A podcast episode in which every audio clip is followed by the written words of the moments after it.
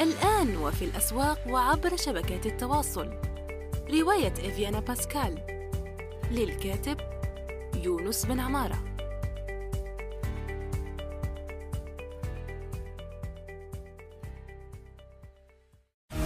يونس توك خلاصة قراءات وتجارب في ميدان الترجمة والكتابة وصناعة المحتوى. تأتيكم أسبوعيا في قالب مميز وشيق يقدمها الكاتب والمترجم يونس بن عمارة. إن خير من استكتبت قلم قوي وفكر رصين. استكتب. منصة صناعة المحتوى النصي في العالم العربي. السلام عليكم ورحمة الله وبركاته. في حلقة جديدة من يونس توك. آه، مساء الخير صباح الخير. آه، حسب الوقت الذي تستمعون فيه إلى هذه الحلقة. مرحبا بكم وأهلا وسهلا. اليوم عندنا سؤال جديد وصل عبر صراحة. أرسلت الأخت الكريمة السائلة بارك الله فيها ونصه يقول السلام عليكم أستاذ يونس أتمنى أن تكون بخير. الحمد لله. أتمنى آه، جميع المستمعين أن يكونوا آه، بأفضل صحة وأنعم بال بأفضل حال وأنعم بال سجع. فليس يقول السؤال ليس لدي أي تجربة مع نشر الكتب وعندي أسئلة بهذا الخصوص إن كان لديك الوقت لتجيب عليها. فأنا شاكر لك جزيل الشكر. سأرسلها في رسالة منفصلة في صراحة أكيد وتواصل قولها.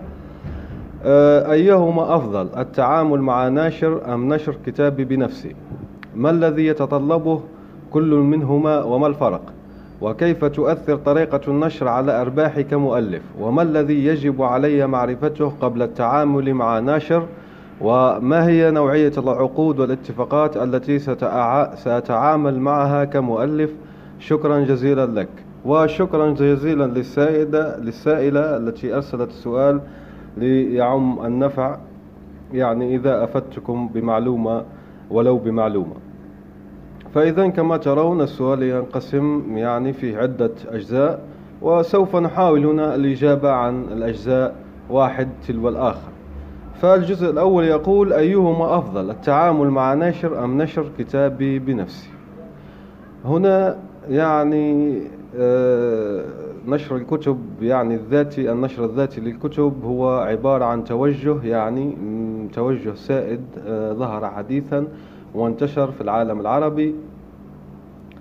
بعد طبعا وأكيد في العالم الغربي بعد آه، الشباب ما توجه إلى النشر الذاتي لما انغلقت أو أغلقت الأبواب في وجهه أمام النشر التقليدي مع أيضا العقبات التي تسيطر على الطريق إلى ذلك والمشاكل التي يعاني منها مثل هذا القطاع.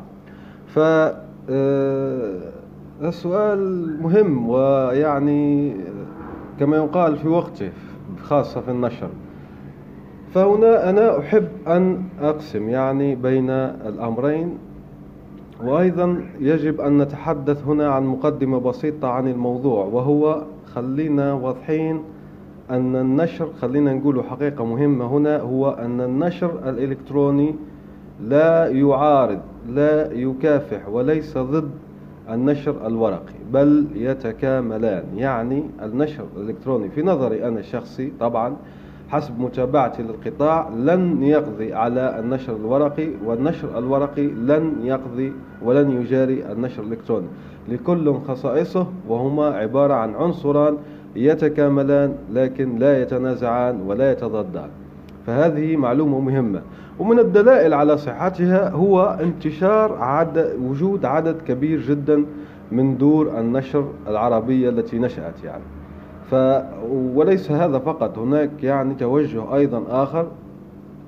ليس توجه النشر الذاتي بل توجه ما يسمى صغار الناشرين المستقلين في آه، العالم الغربي بالأخص. وهناك أيضا طلعات أو طلائع لهذا المجال في العالم العربي. مثلا دار رواشن ومثلا دار تكوين الكويتية.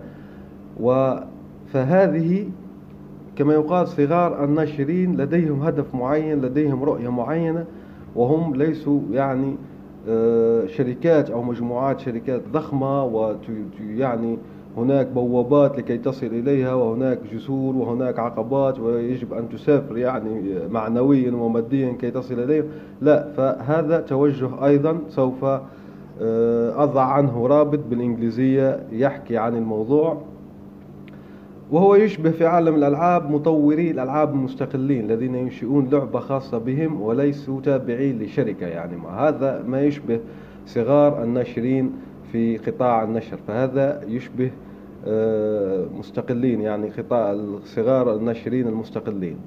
فهذا مقدمة ضرورية لفهم أن الموضوع ليس لا يتعلق بمعركة متخيلة بين النشر الورقي التقليدي والنشر الإلكتروني فهما متكاملان. هذا معلومة أولى. نحاول الآن الإجابة عن الجزء الأول من السؤال. آه، أفضل تعامل أيهما أفضل التعامل مع ناشر أم نشر كتابي بنفسي؟ هنا كما قلت يرجع إلى مستوى الكاتب بحد ذاته يعني. مستوى الكاتب ليس الأدبي فقط لكن في مسيرته أيضا. يعني هل هو معروف ليس معروف أو فهذا بيفرق في الإجابة عن السؤال. فأنا أنصح المبتدئين والمبتدئين زي ما قلت يعني لا أقصد هنا أنه مبتدئ في الأدب. فيعني ممكن هو عنده روايات أصلا أربعة أو خمسة روايات لكن مش منشورة وليست. فنحكي هنا المبتدئين في دخول عالم النشر يعني هم جدد عن هذا العالم. زي معنى زي يعني ما قالت السائلة الكريمة. فهنا هناك فرق. إذا أنت يعني كنت هذا أول ما تدخل فأنا أنصح التعامل مع ناشر. والناشر نوعان زي ما قلنا يعني. هناك ناشر إلكتروني وهناك ناشر آه ورقي عادي تقليدي يعني. فهنا هناك احتمالين يعني. نشر إلكتروني ونشر ورقي عادي. فأيهما أفضل للتعامل معه؟ وهل يمكن نشر كتابك بنفسك؟ فهنا نقول أنه الأفضل التعامل مع نشر والناشر يكون إلكتروني أو آه، ورقي حسب أنت شو حاب تستثمر يعني في مسيرتك ككاتب. لأن خلينا أيضا نكون واضحين لابد من استثمار المال في مسيرتك. ككاتب لكي يعود إليك تجني الأرباح في وقت لاحق أيضا. فلازم استثمار سواء وقت أو جهد وما إلى ذلك. ليش أنصح هنا تعامل مع ناشر سوف أتكلم لاحقا هل النشر يكون ورقي أفضل أو إلكتروني أفضل؟ راح نتكلم عنها في يعني في معرض الإجابة عن هذا الجزء الأول من السؤال. لكن خلينا الآن نحكي ليش الأفضل تعامل مع نشر عموما يعني وليس نشر كتابك بنفسك. لأن الناشر راح أول شيء يعطيك نظرة عن عالم النشر. أكيد يعني لا ننصح بأي ناشر بل ننصح بناشرين يعني أنت تسأل عنهم تطرح عنهم بتتابع ريفيوهات الكتاب السابقين إذا ما عجبوك. فالآن الحمد لله متوفر الإنترنت هناك أدوات عدة بتخليك تبحث عن أي شخص يقدم خدمات. فأي جهة أو شخص يقدم خدمات فبتلاقي review هات مراجعات عن خدماته آراء الناس آراء العملاء السابقين. بتعمل ال homework تبعك يعني بتعمل بحثك بتعمل بحثك الخاص وبتلاقي المعلومة ونشوف.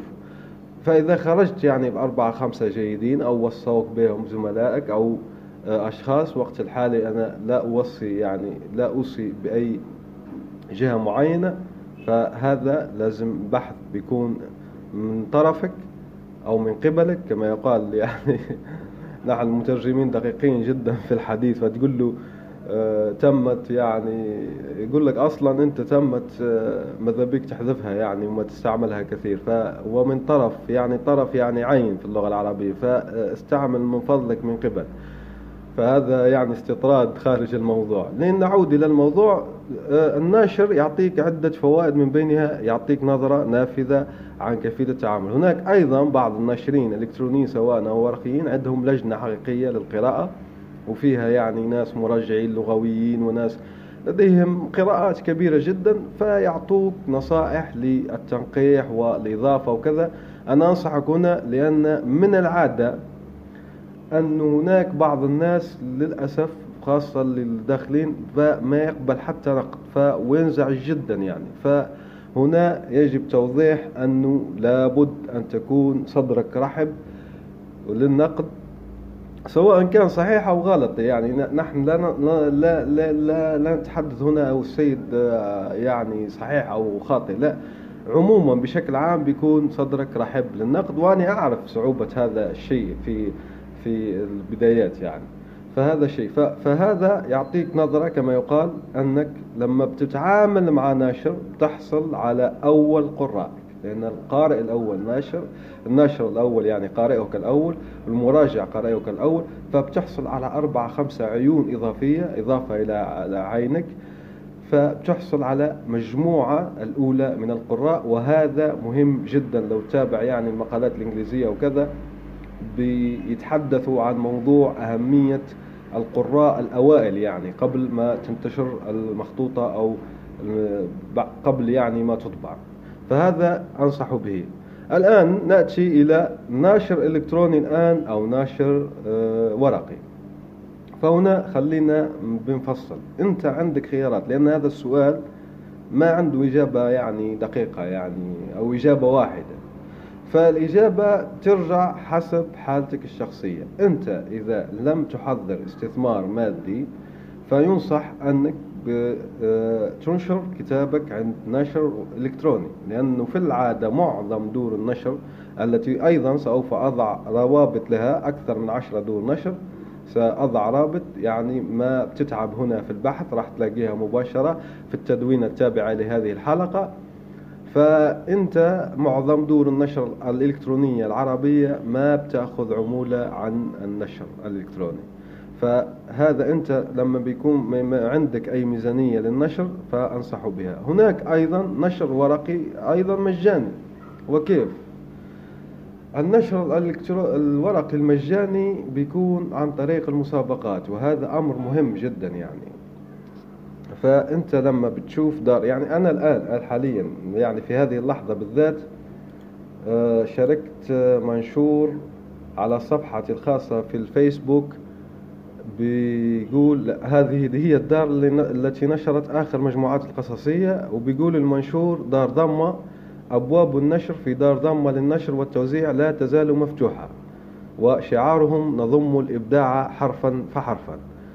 فهم زي يقولوا تحضيرا لمشاركة الدار في معرض جزائر معرض الجزائر الدولي للكتاب 2019 نسعد في ضمن النشر باستقبال باستقبال أعمالكم التي ترغبون. فهذه فرص وأنا راح راح أعطيك مصدر آه، مهم جدا. أنا أضمن لك مع أن هذا الضمان يعني مرتبط بمدى جديتك. يعني أنت بتطبق الشيء هذا. فلو تابعت صفحة أجدد صفحات آه، أجدد مسابقات الأدب وراح أضع رابطها في التدوين التابع لهذه الحلقة. أيضا لو تابعها لمدى ثلاثة أشهر راح تنشر عملك الأدبي ورقيا. فهذا باختصار يعني هل تتعامل بالنشر وبالنشر آه، يعني ناشر أو آه، تنشر ذاتيا. خلينا نحكي قليلا عن موضوع النشر الذاتي. موضوع النشر الذاتي ليس سهل كبداية. ليش؟ لأن النشر الذاتي متعب جدا جدا إن لم يكن لديك استثمار. لو كان لديك استثمار أنا أنصحك مباشرة راح أضع كورس اسمه كورس ناشر من آه، مدونة هي من أروع مدونات المحتوى العربي حاليا اسمها آه، مدونة فرصة باقية. راح أضع فهذا الكورس بيعطيك الخطوات واحدة واحدة وفيها تعب. وفيها يعني تعلم كثير. يعني بدك تتعلم قبل ما تنشر كتابك بنفسك إلكترونيا أو ورقيا فالأمر ليس سهل. ولازم يعني تستثمر المال في الكورس وتتبع الخطوات وتتعلم وتتعلم التسويق تتعلم الحديث مع القراء والعملاء. يعني فيه أشياء لازم تتعلمها فوق وخارج يعني. خارج موضوع موهبتك الكتابية. هذا موضوع لا يتعلق بموهبتك الكتابية لأن الكورس مش راح يعلمك كيف تكتب لا. أو يحسن يعني يمكن يعطيك نصائح عن حبسة الكاتب يعني كيف كيف يعني بتتجاوزها أو الأشياء الجانبية هذه. بس هو يفترض أساسا أنه عندك موهبة يمكن يعني تحسينها في المستقبل بس الموهبة موجودة يعني. فهو عملي فيعطيك الخطوات العملية في نشر كتابك. لهذا أنت وخيارك راح أضع رابط الكورس اسمه كورس ناشر وأنت بتشوفه بتقرر بنفسك. إذا نذهب إلى الجزء التالي من السؤال والذي يقول ما الذي يتطلبه كل منهما وما هو الفرق؟ وهو شو شو يقصد يعني هي شو تقصد السائلة الكريمة بقولها؟ أيهما أفضل؟ تعامل مع ناشر أم نشر كتابي بنفسي؟ ما الذي يتطلبه كل منهما؟ ما هو الفرق؟ زي ما قلنا ماذا ما الذي يتطلبه التعامل مع ناشر؟ يتطلبه أنك أول شيء تحدد هل الناشر إلكتروني أم ناشر ورقي. إذا كان ناشر ورقي فينقسمون إلى أقسام. هناك من يستقبل مخطوطات وينشر الأفضل بالنسبة له على حسابه ويعني ويعطيك عقد وعقد يختلف من دار إلى أخرى بس هو معظمهم يعني فيه عرف في دور النشر. عام هو أنه يعطوك آه، من 15% من الأرباح إلى 30% من الأرباح. يعني بعد ما يقتطعوا كافة التكاليف تكاليف المراجعة تكاليف الطباعة تكاليف يعني آه، حجز مثلا منصة في أحد المعارض فبعد هذه التكاليف يقسموا هذه التكاليف بيعطوك 30% من 15 هناك أيضا من يعطي عشرة. فهذه تختلف حسب الناشر حسب يعني سياسته حسب أموره. فهذا هذه من المهم أيضا أن تكون لديك نظرة عن الناشر زي ما قلنا بتعمل ال homework تبعك يعني تعمل البحث وال search. كي تجد المعلومات عن الدور نشر كل دار نشر ولها سياستها. فللتعامل مع النشر زي ما قلنا بتحدد انت هل النشر إلكتروني أم النشر آه، ورقي. إذا كان إلكتروني أنا أعطيتك زي ما قلت لك راح أعطيك رابط فيه عبارة عن عشرة أو آه، إحدى عشر دار نشر إلكترونية مباشرة بتتصل بهم وتستفسرهم. فهم يجاوبوك يعني. فالإجابة الحمد لله فهم يجاوبوا وهم آه، ودودين فبيجاوبوك على الأسئلة. أما إن كان ورقي أيضا حتى هم معظمهم يجاوبون. أو ماذا يتطلبه حسب زي ما قلت لك أنت عندك ميزانية يمكن يعني يطلبون منك المال للنشر النشر الورقي ويمكن ينشرون على آه، نفقتهم. وفي كلتا الحالتين هناك عقد فيه بنود يعني معروفة معروفة ليش؟ لأن هي البنود يعني بشكل عام عادية يعني أنت بتصرح أن العمل عملك ولم يعني تنتحل من أي مكان آخر وأنك يعني في حالة نزاع آه، بترفع النزاع إلى المحكمة التي آه، مثلا التي الدار آه، في مقر الدار يقع فيها. مثلا لو بتتعامل مع دار نشر كويتية أو مع دار نشر أردنية النزاعات بترفع إلى محاكم تلك الدولة. ليست في بلادك. مثلا أنت لما تكون في الجزائر أو تكون في تونس أو تكون في المغرب. فهذا أيضا موضوع مهم وفي العادة في 99% من الحالات لا تحدث النزاعات. فهذه العقود معظمها شكلية في الحقيقة. فهذا أيضا النسبة. شيء آخر هن هناك عرف غير معروف وللأسف لا, لا, لا يقال يعني هو أن تلك النسب يعني لما بيقول لك أني أعطيك نسبة وكذا هي في الحقيقة هناك عرف أنه لا تعطى. ليش؟ هناك سائد يعني شيء سائد آه، فكرة سائدة في العالم العربي والعالم الغربي عموما لأنه يتابع كثير جدا من الدول الغربية ونفس الشيء. هي هناك عرف غير مكتوب يعني عرف شفوي أنه لما بيقول لك أعطيك 30% من من نشر كتابك ما يعطيك شيء. مش لأنه يعني نصاب لا. لأن تكاليف النشر يعني كثيرة جدا وهو أنت بتزاحمه على الربح فإشكالية يعني في في الموضوع. فهو مش قضية أنه نصاب وكذا فهو عرف هذا. فهنا هناك حل يعني هناك حل نسبي هو أنه يعطيك مقدم مع أن أيضا المقدم في العالم العربي منعدم. يعني ما شفت واحد أعطوه مقدم عن المخطوطة فهذا أيضا نتمنى أن الأحوال تتحسن وهناك آه، بعض المجهودات في الإمارات آه، خاصة يعني في هيئة أبو ظبي للثقافة والسياحة. هناك بعض المجهودات لتغيير هذا الواقع بترسيخ ثقافة المحررين العربيين وما إلى ذلك وما يتعلق بها. بس الحالي الوقت الحالي ما في هذه الثقافة ما يعطيك مقدم وتلك النسب لا تطبق عادة ولا تعطى يعني. وهذا زي ما قلنا ما له ليس له علاقة بأنه صاحب الدار نصاب أو يريد أن يأخذ حقك أو كذا. فأنت كون واضح لأن أعطيتك معلومة مهمة جدا في يعني أعطيتكم معلومة مهمة جدا في هذا المجال في هذه النقطة بالضبط. ما في 30% 50% كلها أمور شكلية. إذا أنت لما بتبحث عن الأرباح انشر بنفسك. وهناك آه إذا لما بتنشر بنفسك بتستثمر. تستثمر مثلا في كورس نشر وتنشر بنفسك و آه، آه، يعني لما بتنشر بنفسك خاصة لو نشرت ورقي راح تبصم يعني بأصابعك العشرة أنك ليش ما أعطيت يعني آه، ليش الناس لا تعطي 30% تلك أو 15% راح تفهم لأن اللوجستيك يعني والخدمات اللوجستية والشحن والطباعة ووجع الرأس والعملاء والإرسال والمنصات غالية في في معارض الكتب والشحن غالي جدا والسفر أغلى فأنت بتكون عارف هذه كامل المصاريف وبيكون عندك فهم أعمق للموضوع.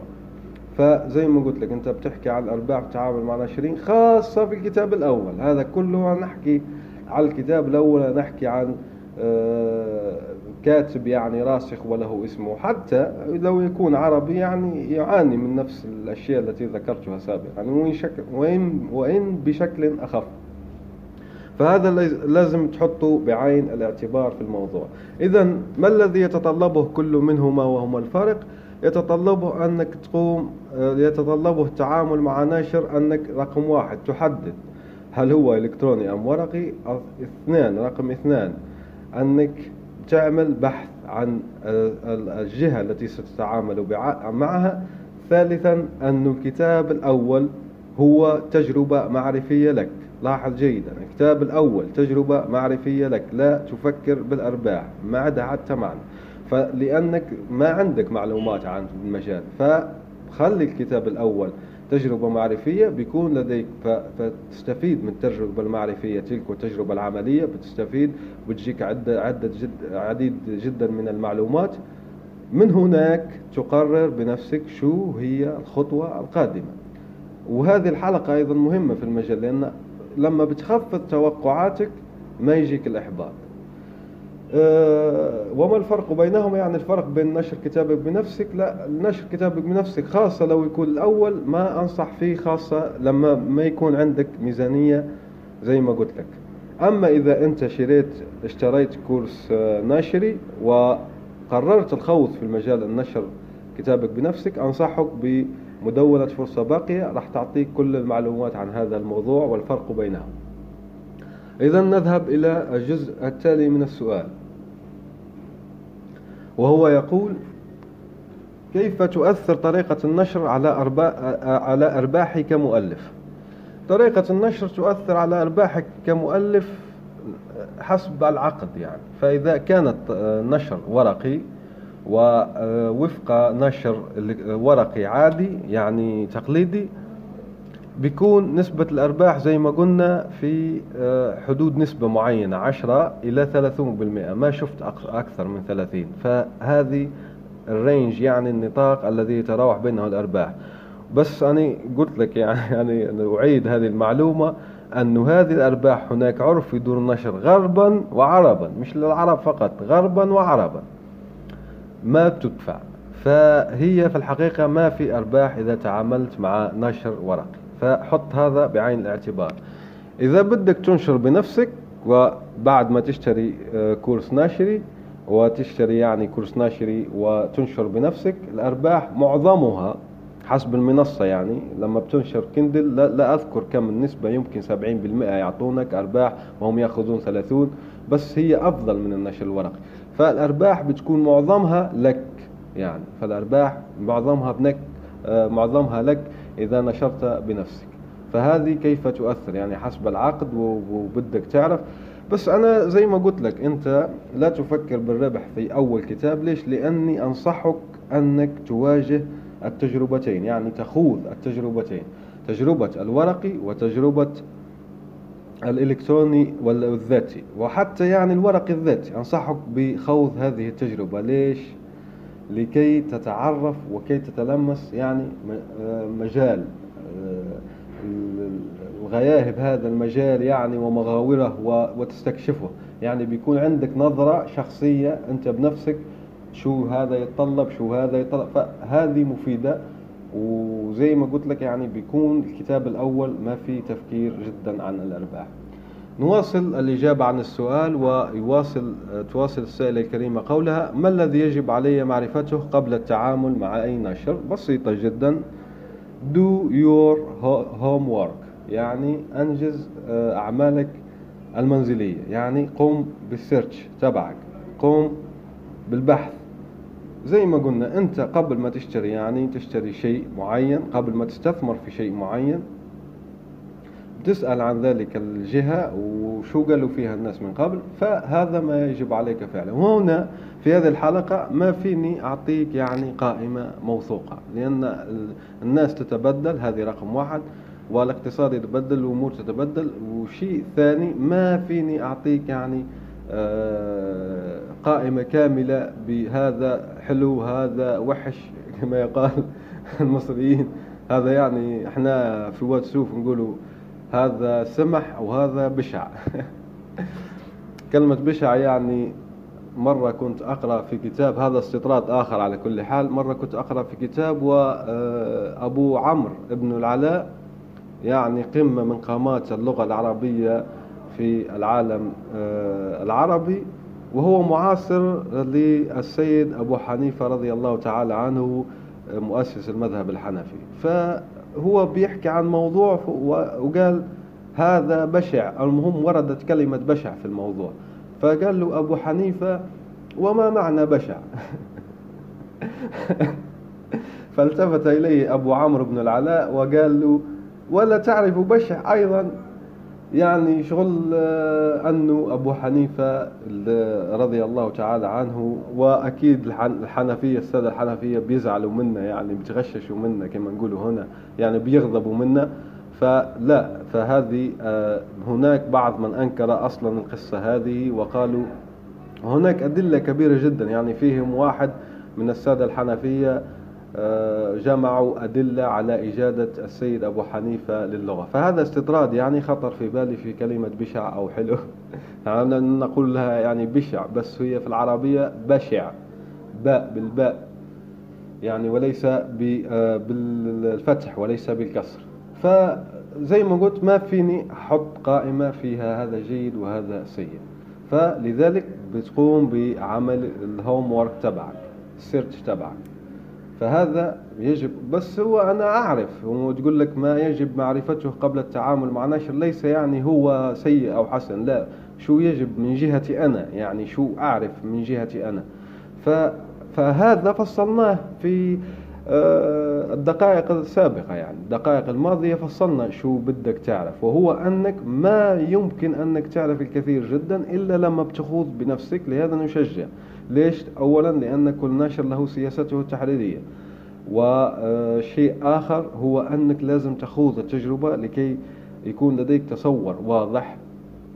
آه، ثلاثة أنا راح أحط عدة مصادر في التدوين التابع لهذه الحلقة تعطيك نظرة شاملة عن المجال. هناك شيء آخر هو أنك ما الذي يجب معرفته هو أنا أعطيتك معلومة مهمة هذه المرة الثالثة والرابعة أكررها يعني تبع أن الأرباح هناك عرف لا تعطى. فهذه أيضا أنت لما لما أنت لما أرسلت السؤال وأنا وأنا أجبتك يعني فهذا من بين الأشياء التي يجب عليك معرفتها. فأنت بتسأل الناس مثلا تحب تنشر في منصة معينة بتسأل واحد نشر يعني فيها وبيعطيك خبرته وأنت تختار بين الخيارات يعني. أه، وتواصل السؤال السائلة أه، قولها بما نوعية العقود والاتفاقات التي سأتعامل معها كمؤلف. هناك ما يخطر لي في بالي هناك نوعان يعني نوعان عامان من العقود والاتفاقات وهي عقود يعني عادية مع النشر الورقي وحتى الإلكتروني وعقود يعني إلكترونية مع النشر آه، منصات الرقمية يعني مش النشر الإلكتروني لا منصات مثل كيندل مثل لولو مثل آه، دار مثل عبيكان للرقمية مثل هناك عقود يعني تمضى إلكترونيا. فهذه نوعية العقود. وزي ما قلت لك هي بشكل عام هي عبارة عن آه، أمور شكلية يعني. فبتحدد آه، أنت أنت مالك يعني آه، هذا النص أنت مالك هذا العمل الإبداعي. وإذا حدثت منازعة بنرفعها للمحكمة التي يقع فيها مقر المنصة أو الدار. و يعني تحديد الأرباح من 15 إلى 30% تتراوح وكل واحد تلقى يعني 15 والعديد من البنود الأخرى يعني مثلا هناك.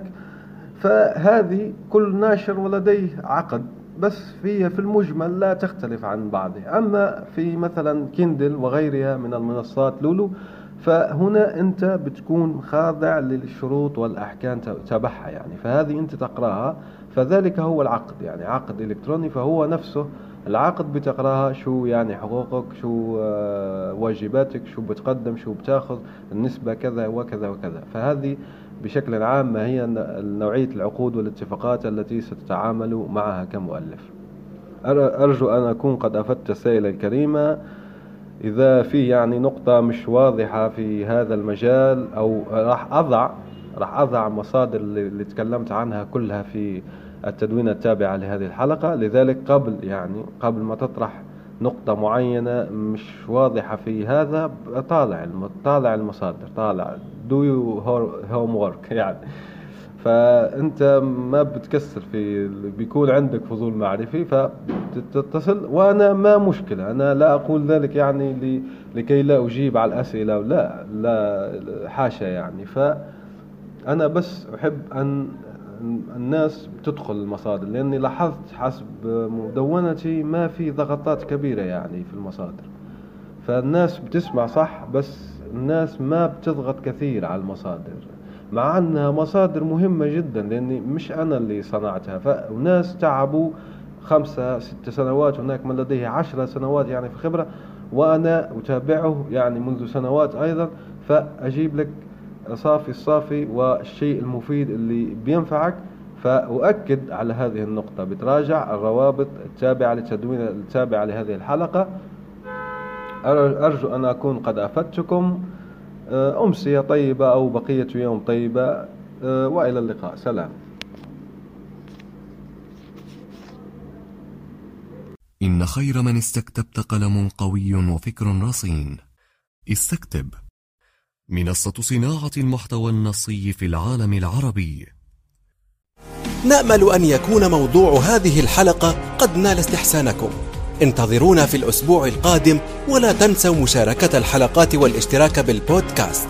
علما أنه بإمكانكم مراسلتنا باقتراحاتكم للتحدث عن أي موضوع يتعلق بالكتابة والترجمة وصناعة المحتوى. وفي الأسواق وعبر شبكات التواصل. رواية إفيانا باسكال. للكاتب يونس بن عمارة.